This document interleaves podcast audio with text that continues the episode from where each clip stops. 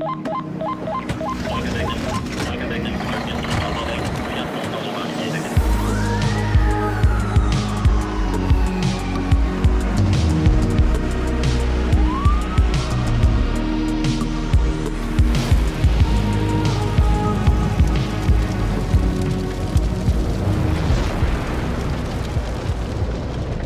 Hei og velkommen til en ny episode av Brannkast. I dag handler episoden om digital brannvernopplæring. Og I dag er min gjest Rolf Nordberg fra Nordvern og rolf.no. Han er tidligere brannmester og avdelingssjef i beredskap på Oslo kommune. Velkommen skal du være, Rolf. Takk for det. Så kjekt at du ville komme på podkast hos oss, da. Jo, det skulle bare mangle. Det er jo en veldig fin anledning til å spre det glade og viktige budskap. Ja, sant. Så, det, så det, jeg stiller med glede. Ja, ja, men det er bra. Så Rolf, eh, hvem er du? Kan du fortelle litt om deg selv? Ja, det skal jeg gjøre. Jeg begynte i Oslo brannvesen, som det den gang het, i 1981. Og da var jeg yngstemann på laget. Eh, Kommann, kanskje en av de viktigste funksjonene. Det å sørge for vann fram til brannbilene, vet du. Mm. Men så har jeg si, gått gradene. da. Jeg har vært brannkonstabel, og jeg ser at det står i innledningen din at det er brannmester og avdelingssjef. Det var jo mot slutten av karrieren. Men eh, det å gå den lange linja som eh, kommann, altså brannkonstabel, deretter som fast røykdykker på hovedbrannstasjonen, redningsmann, redningsleder, stasjonsleder og sånn sett også brannmester, og etter hvert leder av utrykningsseksjonen, og så til slutt avdelingssjef beredskap. Det var min karriere i brann- og redningsetaten. Og Det betyr egentlig at jeg har vel vært innom det aller aller, aller meste, bortsett fra dykking i vann. For jeg er konstruert for å holde meg over vann og ikke for lenge under vann. Og sånn sett eh, så har jeg vært innom de fleste områder og de fleste fagfelt i brann- og redningsetaten. Og så har jeg jo da ja, innsett at det er, jo, det er jo mye mer. altså Brannvern og beredskap er et veldig omfattende tema. Så det er mye mer enn bare å misforstå meg rett, sitte og vente på at det skal brenne. Og det er det som på en måte har fanga meg da opp gjennom årene. Ja, Men eh, du har jo rett kompetanse, så da er du rett person til å ta denne samtalen med, da. Ja. Jeg, jeg håper det. Ja, så Hvordan er egentlig behovet for uh, opplæring i brannvern i Norge, da? Du, Det er stort. Det er uh, Noe av det som jeg sier er at når, når, man sitter og venter, og da, da som jeg, sier, misforstår meg rett, det å vente på at ting skal skje, det er veldig bra. Det å ha etablert en god beredskap både i brannvesen, brann- og redningsetater og innenfor næring og industri og institusjoner, er veldig, veldig bra. Men jeg mener oppriktig talt at selv om jeg har viet hele mitt liv til beredskap, så har jeg også siden 1986 undervist i brannvern og beredskap. Og Det betyr egentlig at det å forebygge, det er viktig. Og den kunnskapen den bør tilføres så mange som overhodet mulig. Det er altfor mange som vet altfor lite om hvordan de skal forholde seg ved brann. Og Det er det jeg ønsker å gjøre noe med, og det er det jeg har jobba med nå siden 1986. Jeg blir jo 35 år som instruktør. Og jeg jobber fortsatt med akkurat dette her. Og jeg sier til alle i innledningene mine at jeg jobber så godt jeg kan og reiser land og strand rundt og prøver å gjøre alle brannfolk overflødige, men det klarer jeg ikke.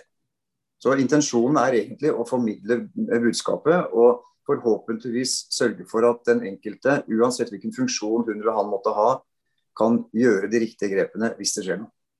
Og så er jeg veldig eh, altså glad i, høres rart ut, men det å stå foran et publikum og formidle alt jeg kan, basert på kunnskap og erfaring gjennom mange år, det, det, det er virkelig noe jeg, noe jeg, virkelig trives med.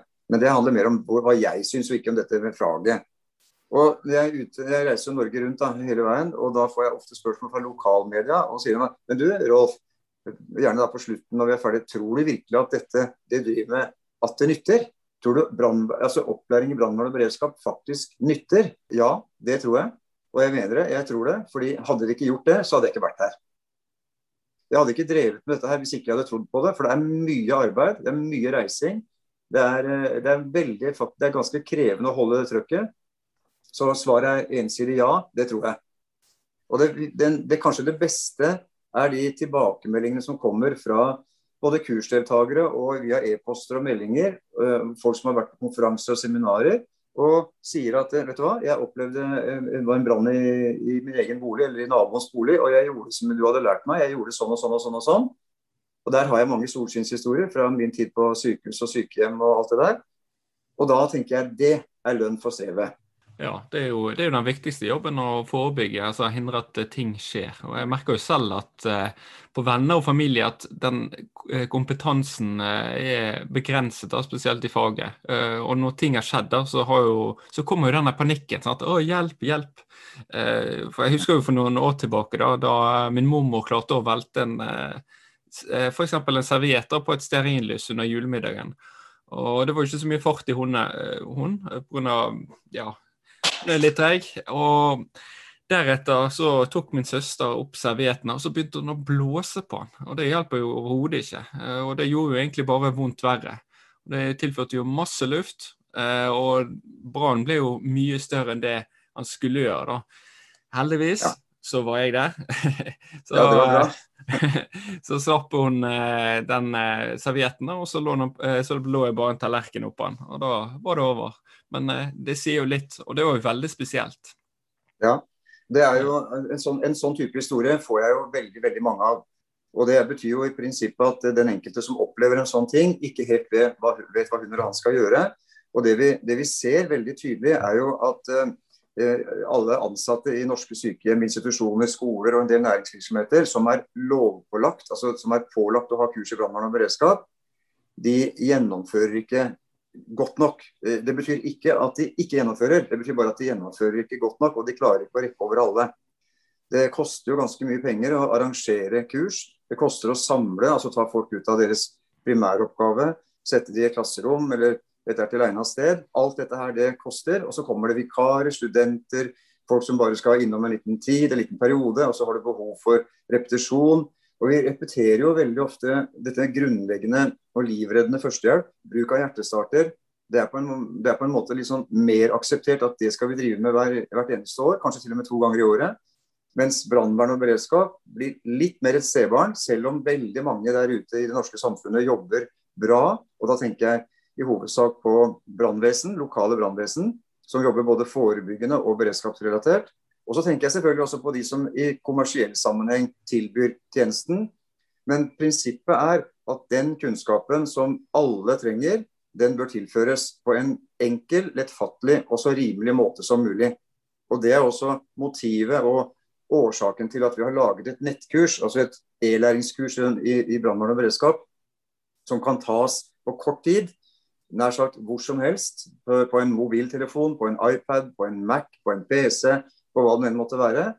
Det går i underkant av én time, og det inkluderer selve kurset, kontrollspørsmål, hvor man da ender opp med kursbevis og dokumentasjon på gjennomført.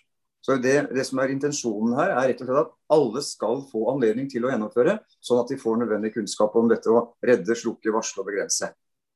Så det er mange, det er mange årsaker til at jeg er hekta på dette. for det, Jeg er jo definert i lovverket som en kompetent person men blant eh, familie og venner som en fagidiot. Og det er helt greit så lenge det er tommel opp og ikke ned. Og jeg sier ofte at de som ikke tar seg tid til eller råd til å forebygge, de bør prøve en brann. For da får de virkelig se hva dette faktisk kan resultere i. Og det fins jo ikke noe positivt med en brann. Nei. Eh, eller du holder jo varmen, da. ja da. Det er det eneste. Ja. Men eh, altså, hvor ille kan det være for noen? Altså, hva har du opplevd at folk ikke kan? Det, det, jeg har opplevd, jeg får som sagt mange historier.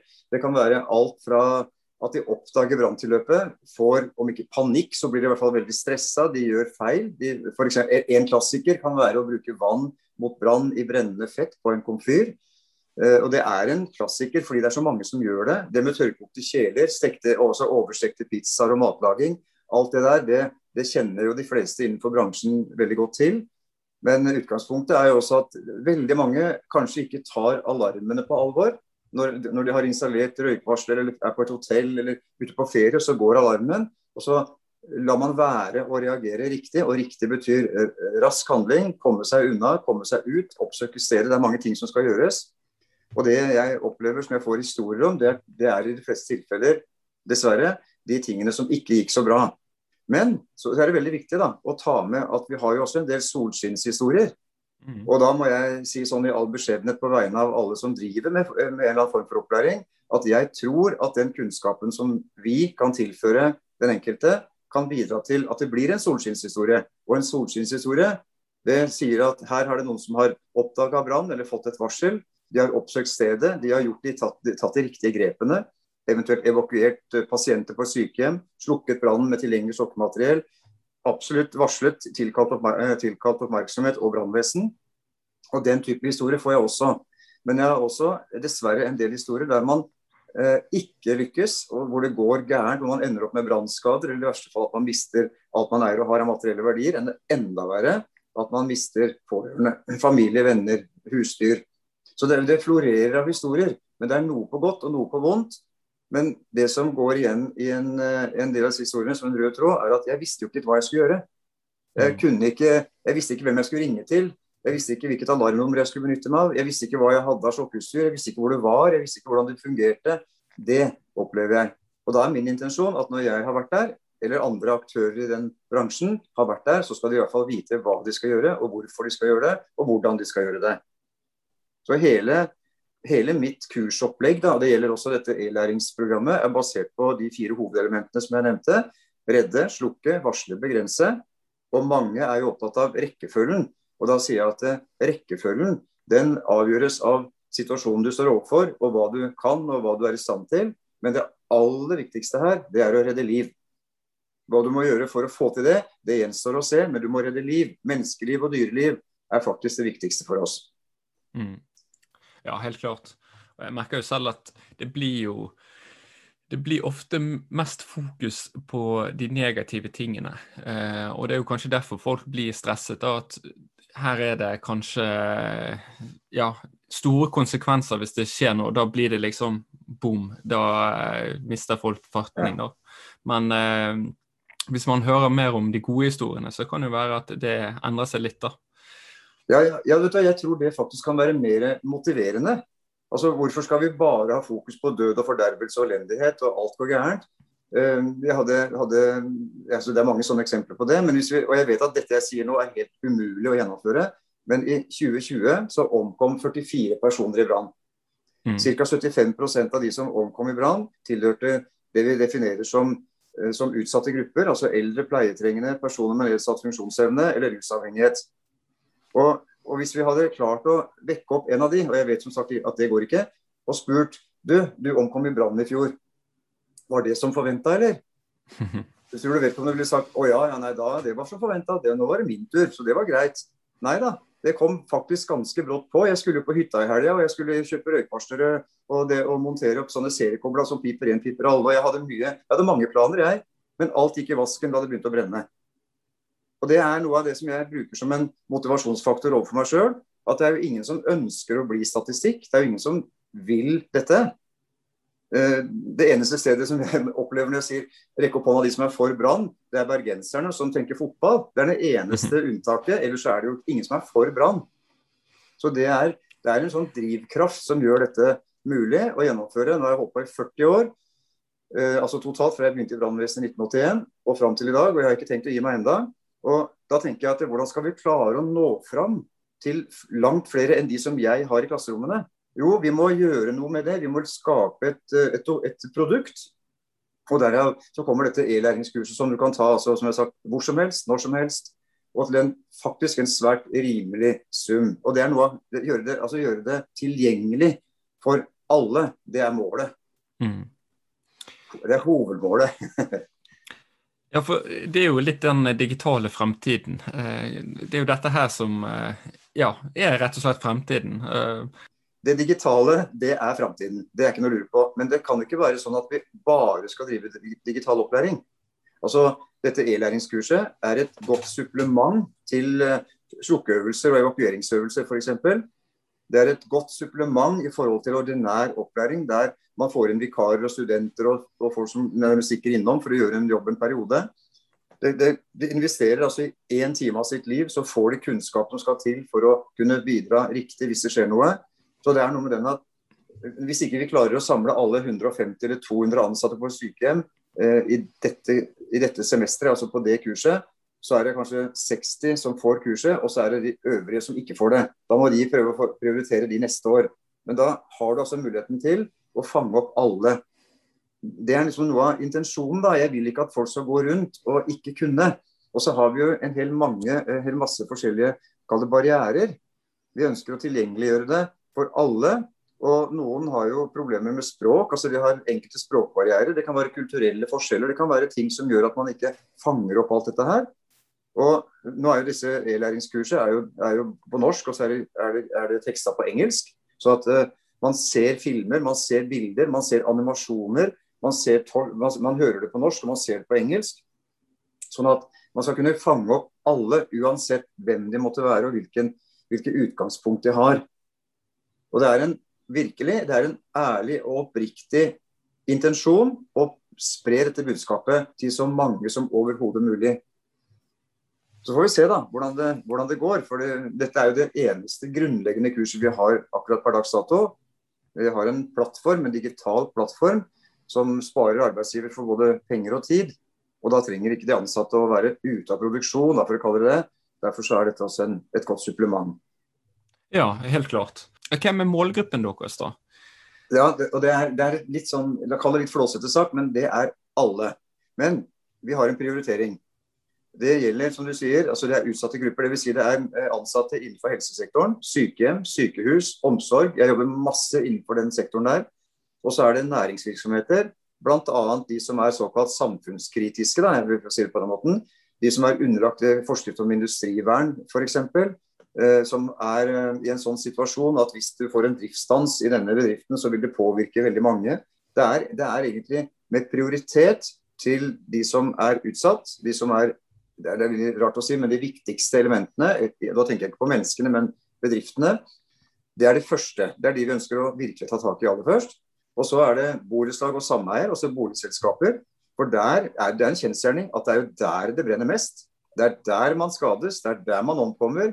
Og hvis vi kan klare å tilføre den kunnskapen via styrer i borettslag og sameier, gjerne også via boligbyggelag som sitter rundt omkring i det ganske land, så er det også en intensjon og Da må vi kanskje starte med styret, som har ansvaret for å iverksette tiltak og tilrettelegge for at du skal bo trygt og godt. Og så må de gjerne formidle det til enkelte beboere, eller alle beboere da, selvfølgelig. Og så kan den enkelte beboer gå inn og velge om de vil gjennomføre det eller ikke.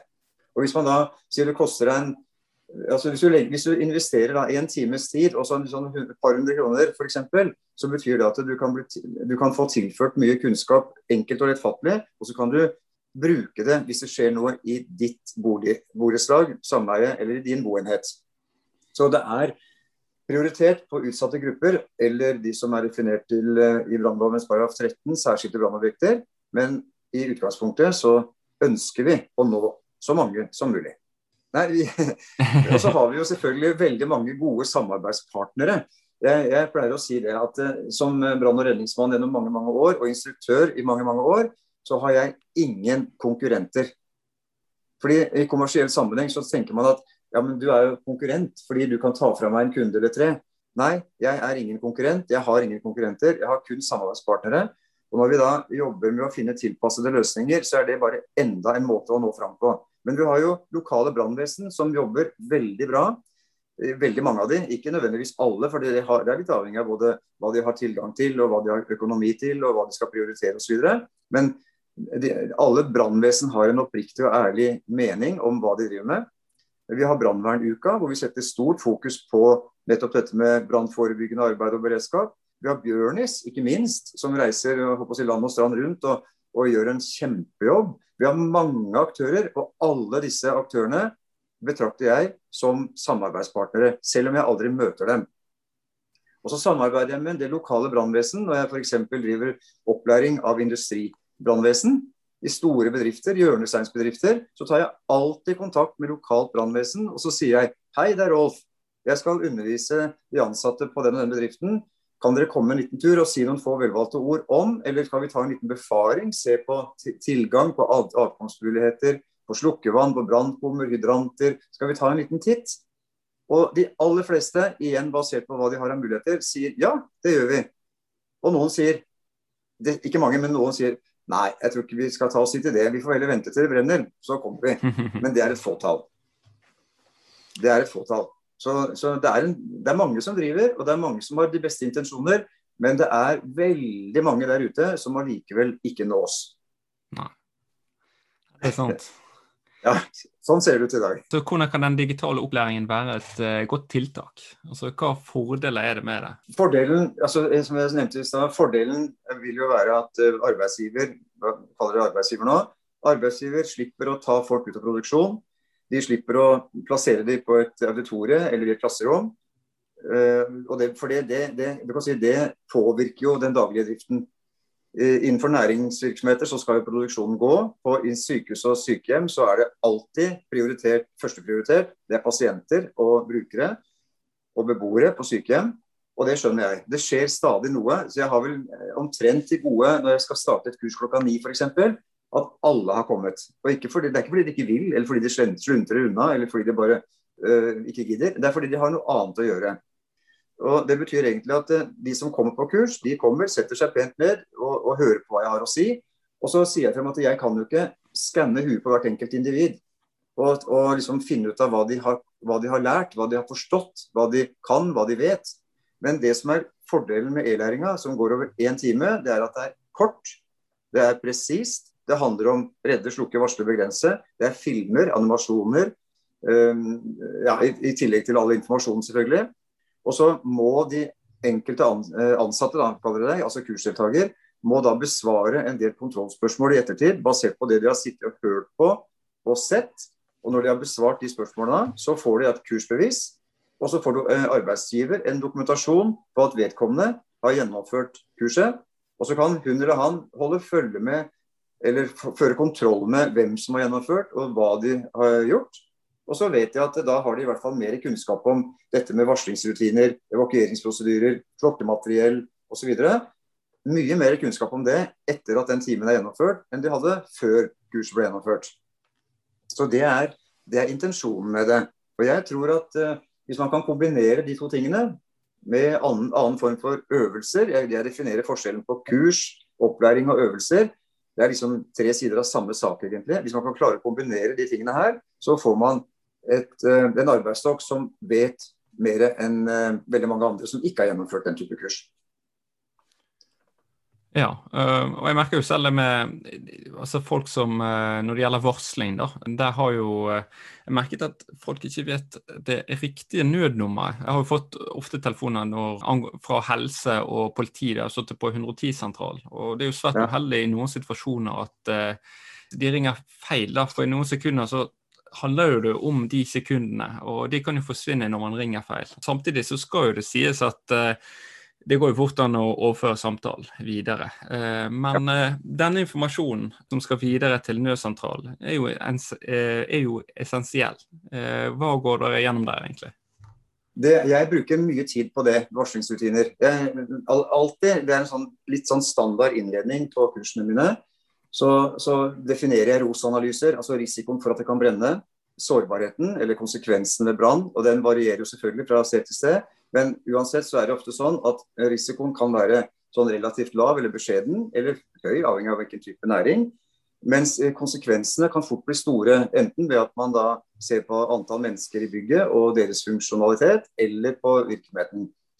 Det jeg har mye fokus på, det er varsling. Varslingsrutiner ikke minst varslingssystemer, detektorer, manuelle meldere, alarmklokker, dørmagneter og alt det som hører med.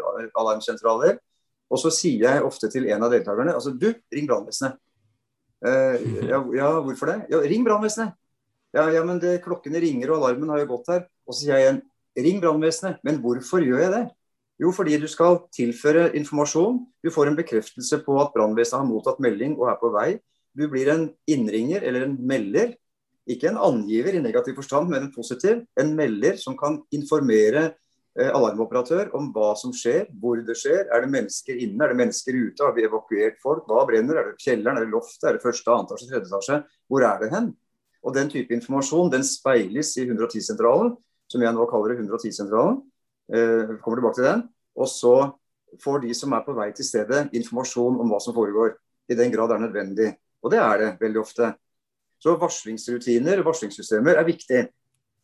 Eh, når jeg sier 110-sentralen, så, så, liker jeg egentlig ikke å bruke det begrepet, men det har jo liksom hett det i mange mange år. Og når jeg spør hva er alarmnummeret til brannvesenet, nødnummeret, så sier mange 110. Ja, kan ikke du komme og skrive opp det? Og hvis det er barn og unge eller eller folk med liten språkforståelse i forhold til det norske språket, så skriver de 100, altså 1, 0, 0 og 10. For de skriver det de hører. 110 Nei, men Er det riktig? Nei, det er jo ikke det, for det er 110. Og da har vi en liten regle, vet du, som, eh, som man lærer i Det er en sang, egentlig, som man lærer i barnehagen. Jeg, jeg synger ikke for folk, men jeg tar den. Brann er ikke tull, ring 110. Er det en tyv på do, ring 112. Og har du vondt i kne, ring 113. Og det er en regle som folk faktisk ler litt av, og som de husker. Og det er hele intensjonen. Så jeg bruker mye tid på dette med varsling. Og når du sitter, du sier at du sitter eller satt som en alarmoperatør i, i 110-sentralen, eller alarmsentralen til brannvesenet, og får feil, eh, får feil, informasjon i forhold til hva som har skjedd, så kan jo du sørge for trippelvarsling, og du kan bidra bare det å ha kontakt med en alarmoperatør og kunne snakke med en person og ta en beslutning om hva man skal gjøre eller ikke gjøre, det i seg sjøl skaper trygghet. Og Jeg har jo ikke sittet i en, eh, det vi kalte sambandsvakta i gamle dager, men jeg var avløser i alarmsentralen. Mm. Nå blir det jo 110-sentral, alarmsentral, sambandsvakt, det er forskjellige begreper. Den gamle er litt, eh, litt eldst her. men da satt jeg der også og tok imot, sentral, eh, tok imot, telefoner fra folk der ute. Og de fleste var ganske opprørte og stressa og visste ikke helt hva de skulle gjøre. Og det å kunne sitte der og rettlede og veilede og snakke med og skape trygghet, det syns jeg var kjempefint. Og det, alarmoperatørene gjør jo en utrolig fin jobb med tanke på de tingene her. Samtidig som du da kan informere mannskap på vei til stedet. Ja. Så ja, så Det du sier der innledningsvis, at uh, du opplevde det, det skjønner jeg veldig godt. Men da, liksom, da kan du skape den tryggheten og være den, den, den personen som uh, bidrar til et godt resultat. Ja, definitivt. Men tilbake igjen til det e-læringskurset. Er det slik at når man har gjennomgått eh, dette kurset, da tar man eksamen, og vil det være retrening etter noen år? Altså, Noe av denne kompetansen man innhenter seg, den vil jo være ja, blitt litt min, eh, den har blitt litt tynnere da, etter noen år. Ja, altså Kurset er jo delt inn i, inn i kapitler som brukerne kan navigere i. Så man sånn setter seg ned, åpner, eh, så har den lisens, de får en lisens, for lisensen er personlig. Så, så, det betyr egentlig at hvis du får en lisens, og du åpner lisensen, så er den din. Det betyr at uh, kurset er delt inn i kapitler som du, kan, som du kan navigere i på en veldig enkel måte. Og når du har navigert innenfor disse prinsippene, redde, slukke, varsle, begrense, og gått igjennom alt og føler at du er trygg på det, og det, det, det, er, det er, laget på en såpass enkel og grei måte, at, og visuell måte ikke minst, at man skal forstå og skjønne det som foregår ganske umiddelbart, så vil det altså bli stilt disse kontrollspørsmålene før kursbeviset blir utstedt. Det vi anbefaler, eh, i tillegg til andre ting, det er at man tar dette grunnleggende kurset en gang i året og eventuelt da supplerer med praktiske slukkeøvelser eller evakueringsøvelser hvert annet år. Altså Det går an å kombinere. Det er jo sånn eh, per definisjon da, i lov, lov om brannvern, eller forskrift om brannforebygging, og ikke minst veiledning til forskriften, så kan man lese seg til en del ting. Men det handler også veldig mye om en tolkning og, et, og ikke minst et god porsjon sunn fornuft. Så man må ikke gjøre de samme tingene hele tiden. Og jeg er tilhenger av en form for progresjon når jeg jobber på et sykehjem f.eks og jobber der år etter år etter år etter år, og veldig ofte to ganger i året, både vår og høst, så har jeg en progresjon fordi jeg møter veldig ofte de samme menneskene.